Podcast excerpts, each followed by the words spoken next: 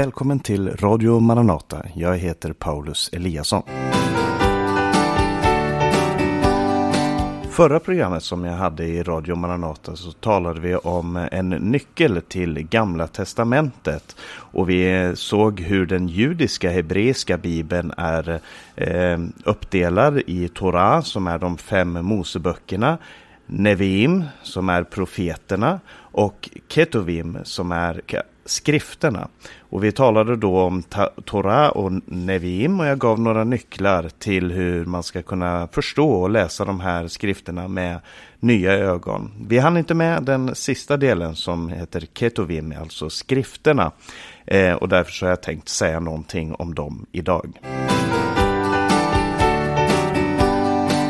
I Nya Testamentet så omnämns ibland Gamla Testamentet, det vi kallar för Gamla Testamentet som skrifterna, de heliga skrifterna. Eller så, som Jesus säger vid ett tillfälle så talar han om lagen, profeterna och saltaren, eller salmerna. Eh, och det här är samma indelning som den vi har talat om hittills. Torah som är lagen, Nevim som är profeterna och så Ketuvim som är skrifterna. Och de skrifterna består till huvudsak av salmerna. Salmernas bok är ju den näst längsta boken i Gamla Testamentet. Det är den som har flest kapitel, 150 kapitel. Och den dominerar den sista delen av, eh, av de, de hebreiska skrifterna.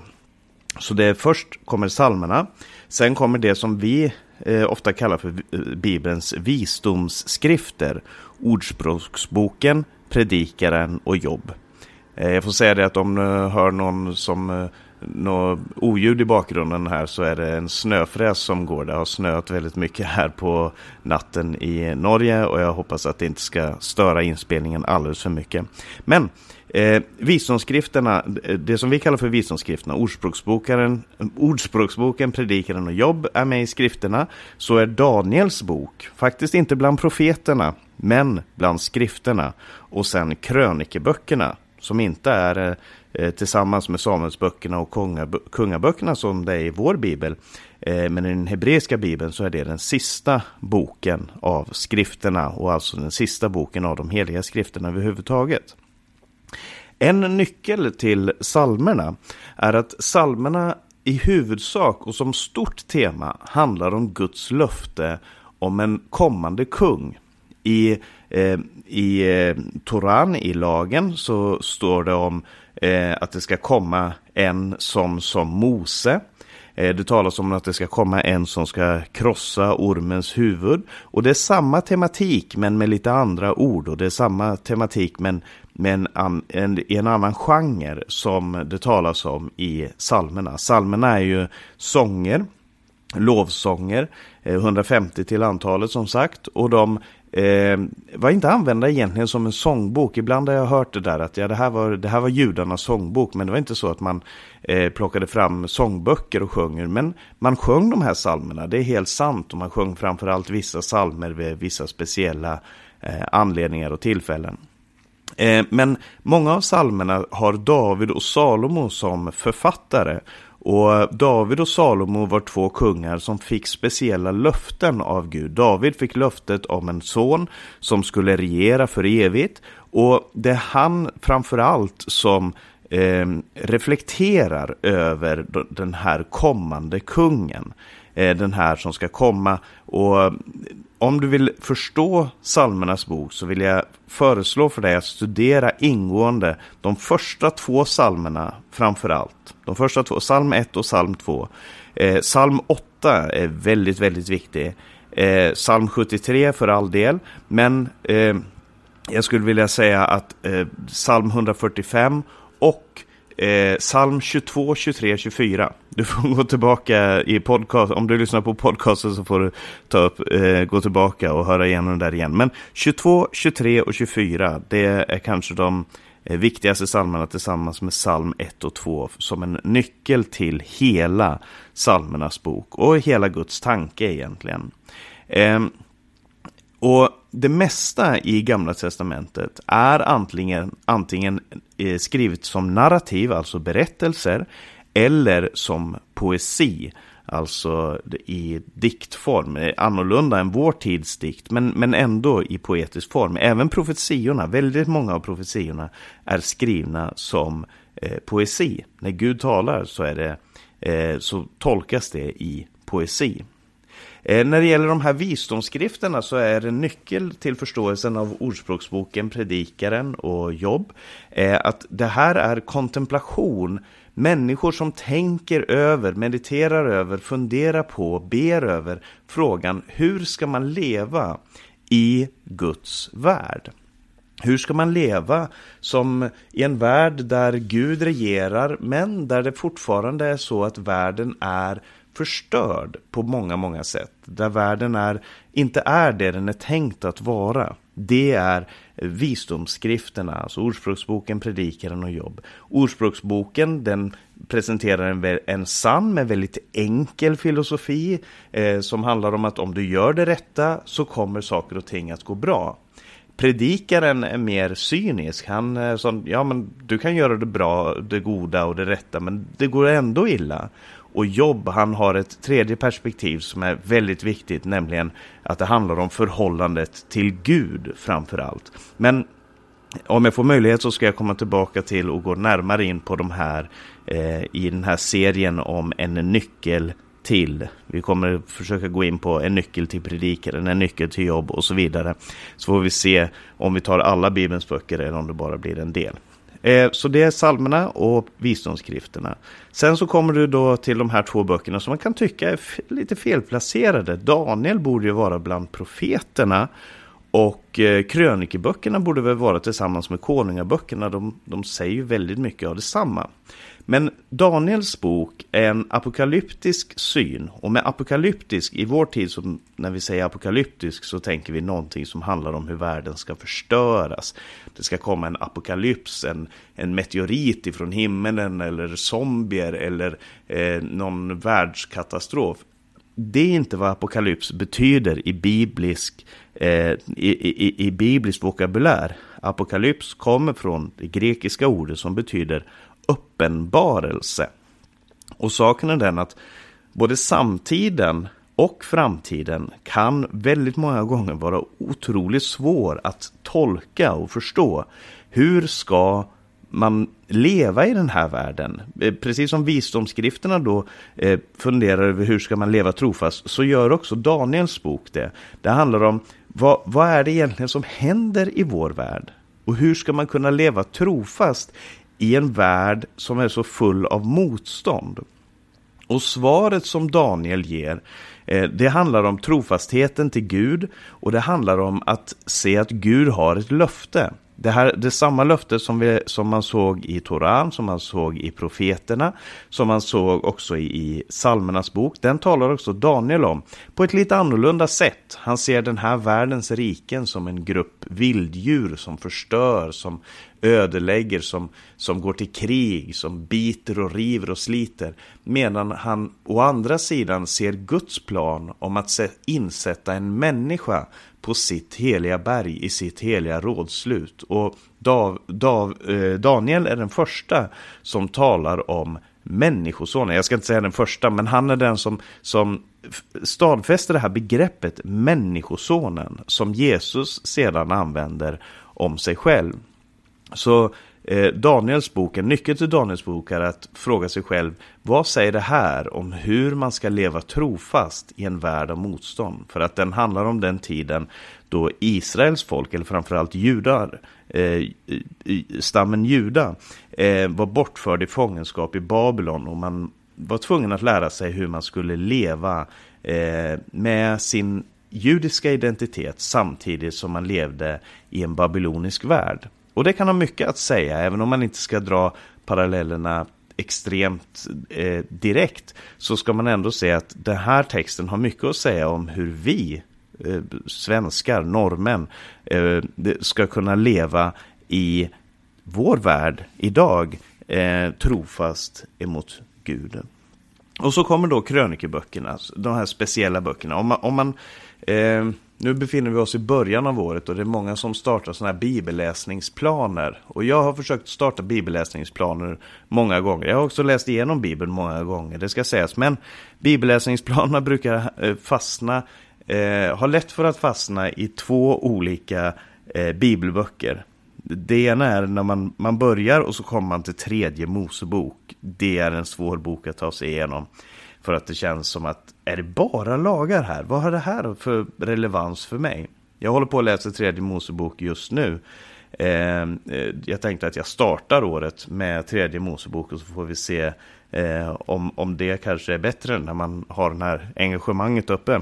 Eh, men det till sida, så det andra som man brukar fastna vid, det är krönikeböckerna. Och där är vi just nu i vår bibelläsningsplan i, i vår storfamilj här i Norge där vi läser ett kapitel varje kväll. Och det känns som att vi har varit i krönikeböckerna otroligt länge.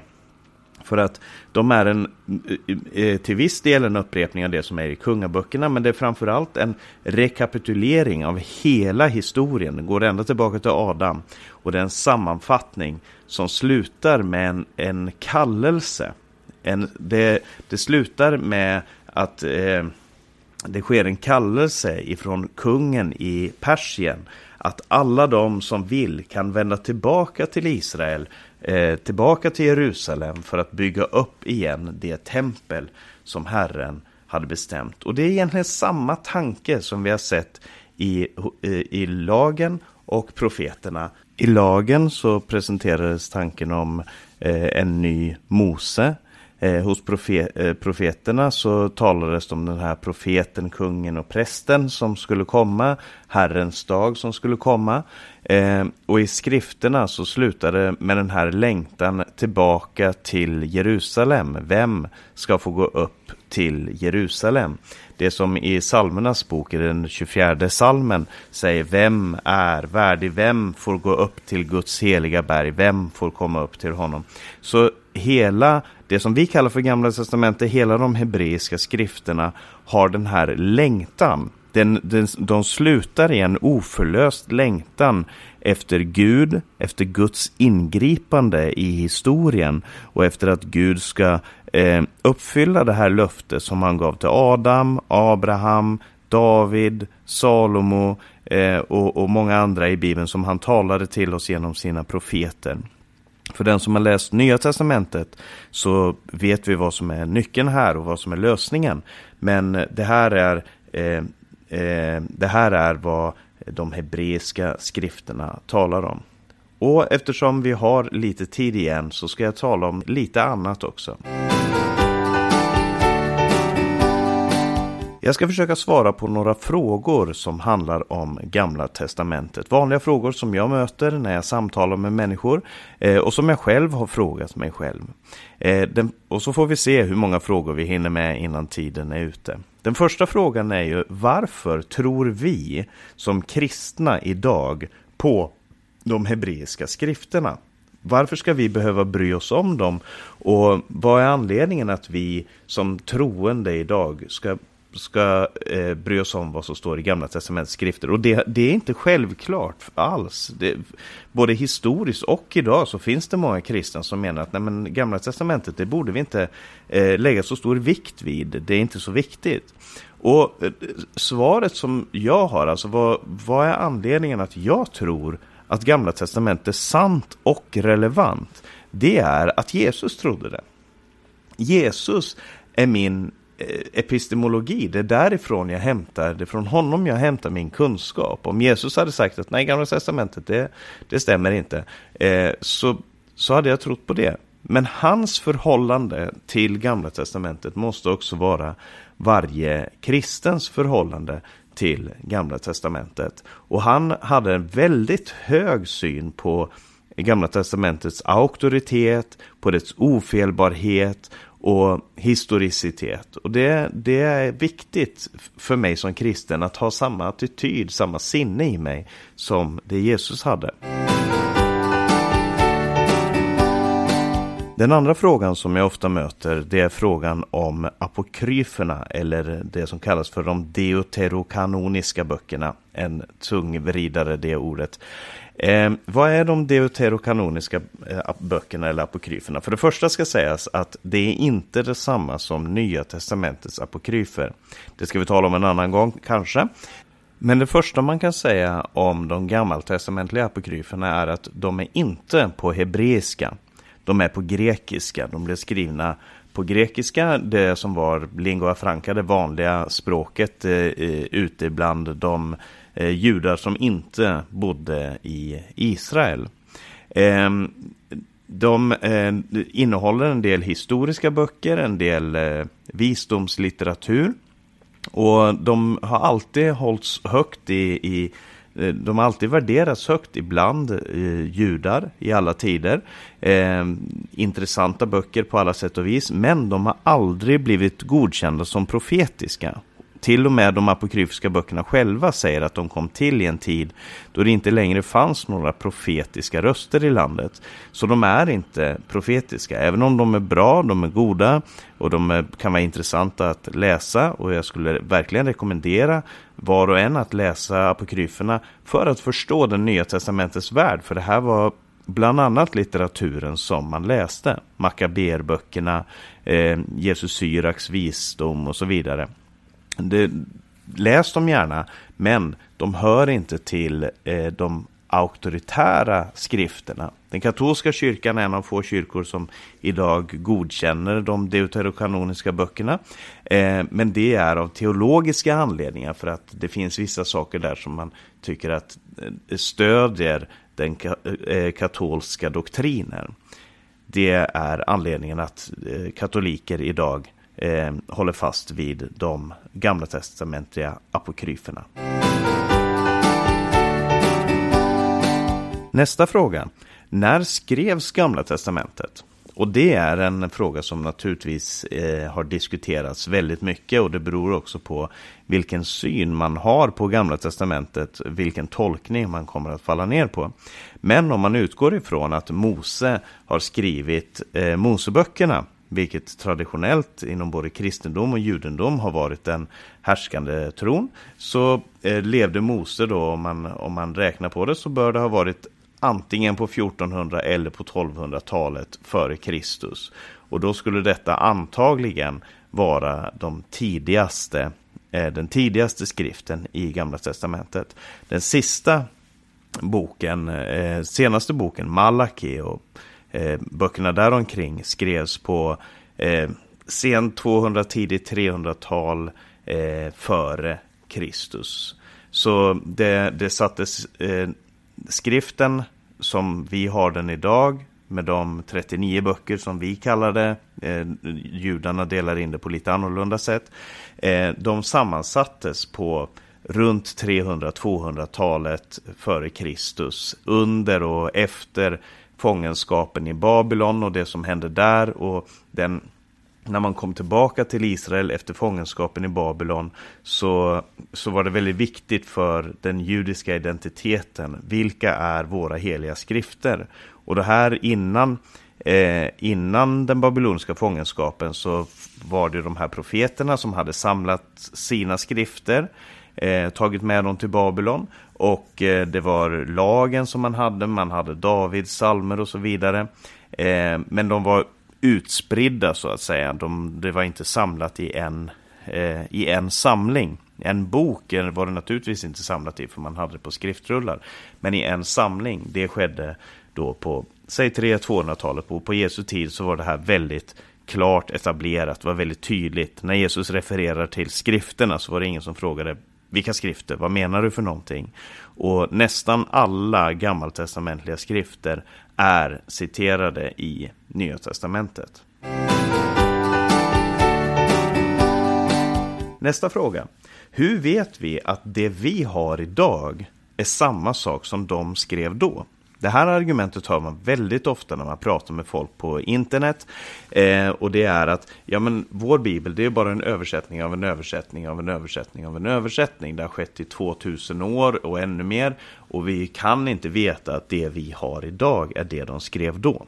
Och det är två olika diskussioner när det gäller de hebreiska skrifterna och de grekiska skrifterna, Nya Testamentet. Men när det gäller de hebreiska skrifterna så har vi eh, framför allt tre olika källor som vi hämtar kunskap och information om de här texterna på. Dels så är det det som kallas för den masoretiska texten.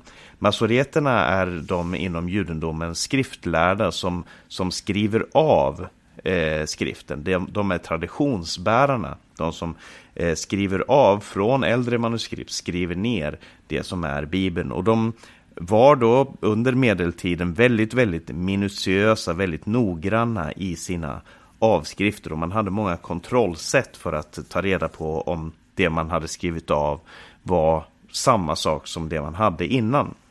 Men de äldsta masoretiska texterna kommer från runt 1000-talet. Så om vi bara hade haft de masoretiska texterna så hade vi bara haft manuskript från runt 1000-1100-talet efter Kristus, Codex eh, eh, Aleppo eh, och, och, liknande som, som eh, ger oss indikation om vad det var Jesus läste. Eh, och det är ju egentligen inte gott nog för att det kan hända mycket på tusen år. Hur vet vi att det vi har nu är detsamma som de skrev då? Eh, även om vi tycker att de kan vara trovärdiga de här eh, och duktiga de här masoreterna som skrev av så kan man inte veta med säkerhet. Den andra källan som vi har däremot, den kallas för Septuaginta. Det är ett samlingsord för grekiska översättningar av Gamla Testamentet. Och det här var en översättning som var etablerad redan på Jesu och apostlarnas tid. Så att när Jesus eh, undervisade så talade han naturligtvis arameiska. Eh, det var hans modersmål. Det är möjligt att han också talade grekiska. Han levde i ett område där det också fanns ganska nära grannar som, som var grekisktalande. Eh, men, men oavsett så, så de som skrev ner det Jesus sa, de skrev det på grekiska. Matteus, Markus, Lukas, Johannes och också de andra apostlarna eh, och evangelisterna. Ja, det är inte fler evangelister, men alla evangelisterna och apostlarna skrev eh, ner sina texter på grekiska. Och då använder de ofta den grekiska översättningen av Gamla Testamentet eh, som hade kommit till några hundra år tidigare. Det är en process, det är inte en händelse där man satte sig ner och översatte hela skriften. Men man kan se att det, det var den som användes huvudsakligen. Och den här Septuagintan, den grekiska översättningen, det blev den härskande översättningen bland de kristna. För att de kristna var inte framförallt hebreisktalande eh, utan de var grekisktalande. Och de nytestamentliga skrifterna hade man på grekiska och därför använde man den gammaltestamentliga översättningen Septuaginta för Gamla testamentet. Eh, så det, man kan jämföra då den masoretiska texten med Septuaginta och det kallas för textkritik när man jämför två texter för att komma fram till vad som är den bästa. Sen på slutet av 1940-talet så upptäckte man i Israel någonting som har blivit känt som Döda havsrullarna.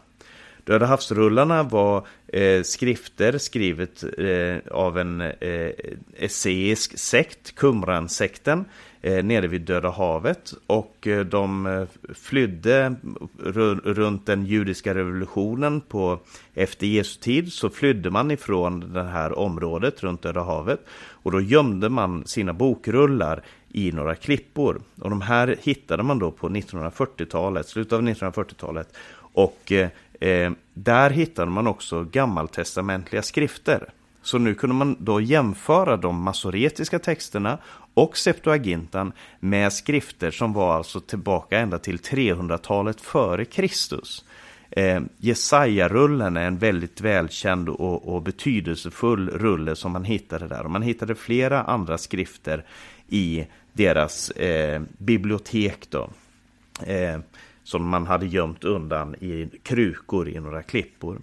Och det man kunde konstatera då var att det var en otrolig överensstämmelse mellan det som den masoretiska texten och Döda havsrullarna. Eh, så de tre, eh, eh alltså den masoretiska texten, Septuaginta och Döda havsrullarna är otroligt viktiga idag för förståelsen av eh, vad som var den originaltexten. Och sen finns det också översättningar som Targum som är en översättning till arameiska, eh, Peshitta som är en översättning till syriska. Så problemet för kristna idag och för den som läser Bibeln idag är inte att veta vad var det Jesus läste. Det vet vi. Vi vet vilken bibel Jesus läste och den är så långt vi kan se helt identisk med den bibel som vi har idag. Vi har inte en översättning av en översättning av en översättning av en översättning som har gått genom 2000 år. Vi kan gå tillbaka till väldigt, väldigt tidiga källor, till och med källor tidigare än Jesus själv. Till slut så vill jag bara säga några ord om varför Gamla Testamentet är så viktigt. Och det handlar om att det är berättelsen som leder oss mot Jesus. Det är berättelsen som ligger, lägger grunden för det nya testamentet. Jesus läste Gamla testamentet, apostlarna läste Gamla testamentet, det var det de använde för att eh, växa till i sin tro, för att eh, argumentera för att Jesus var Messias. Det var det som låg till grund för deras tro och det måste också läggas till grund för vår tro och vår förståelse. Även om Nya Testamentet uppenbarar för oss hur vi ska förstå Gamla Testamentet så är det eh, de hebreiska skrifterna som är grunden för vår tro. Och med det tror jag att jag ska avsluta den här delen om en nyckel till Gamla Testamentet. Och nästa vecka så ska vi ta en nyckel till Nya Testamentet och tala om eh, vad Nya Testamentet innehåller och hur man ska läsa det. Men vi ska nu lyssna till en sång och vi ska få några avannonseringar. Skrifternas Jesus kom in i mitt hjärta tog all min oro, förbarmade sig. Villigt han bar all min synd och min smärta då han på korsträdet dog just för mig. Villigt han bar all korsträdet dog just för mig. Skrifternas Jesus i ordet mig lärde. Alla som tror må i korsdöden gå. Och i mitt hjärta en längtan jag närde. Döpas till honom i Guds kraft uppstå mitt hjärta en längtan jag närde döpas till honom i Guds kraft uppstå.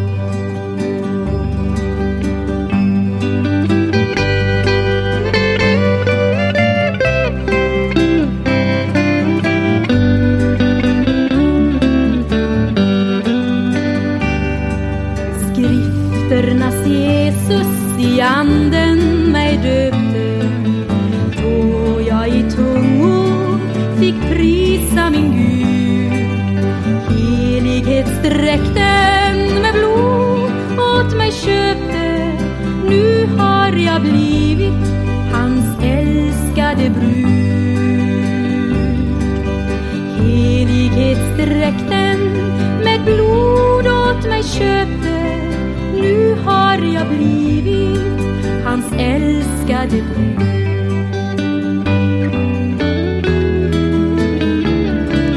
Skrifternas Jesus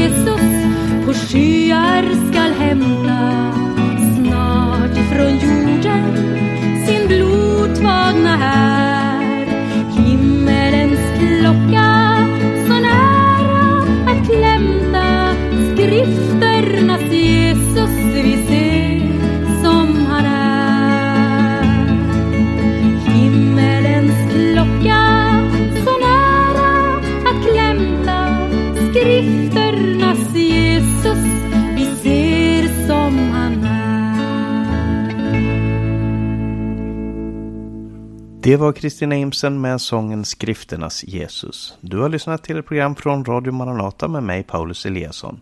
Radio Maranata Stockholm sänder över Stockholms närradio 88 MHz och programmen läggs också ut som podcast på till exempel Acast eller Apple Podcast. Vill du komma i kontakt med oss så gå gärna in på vår hemsida maranata.se där du bland annat kan se Radio Maranatas övriga sändningstider. Har du frågor eller kommentarer om programmet så skicka gärna en e-post till info maranata.se eller ring 070-201 60 20. Sprid Guds välsignelse till alla och så hörs vi om en vecka.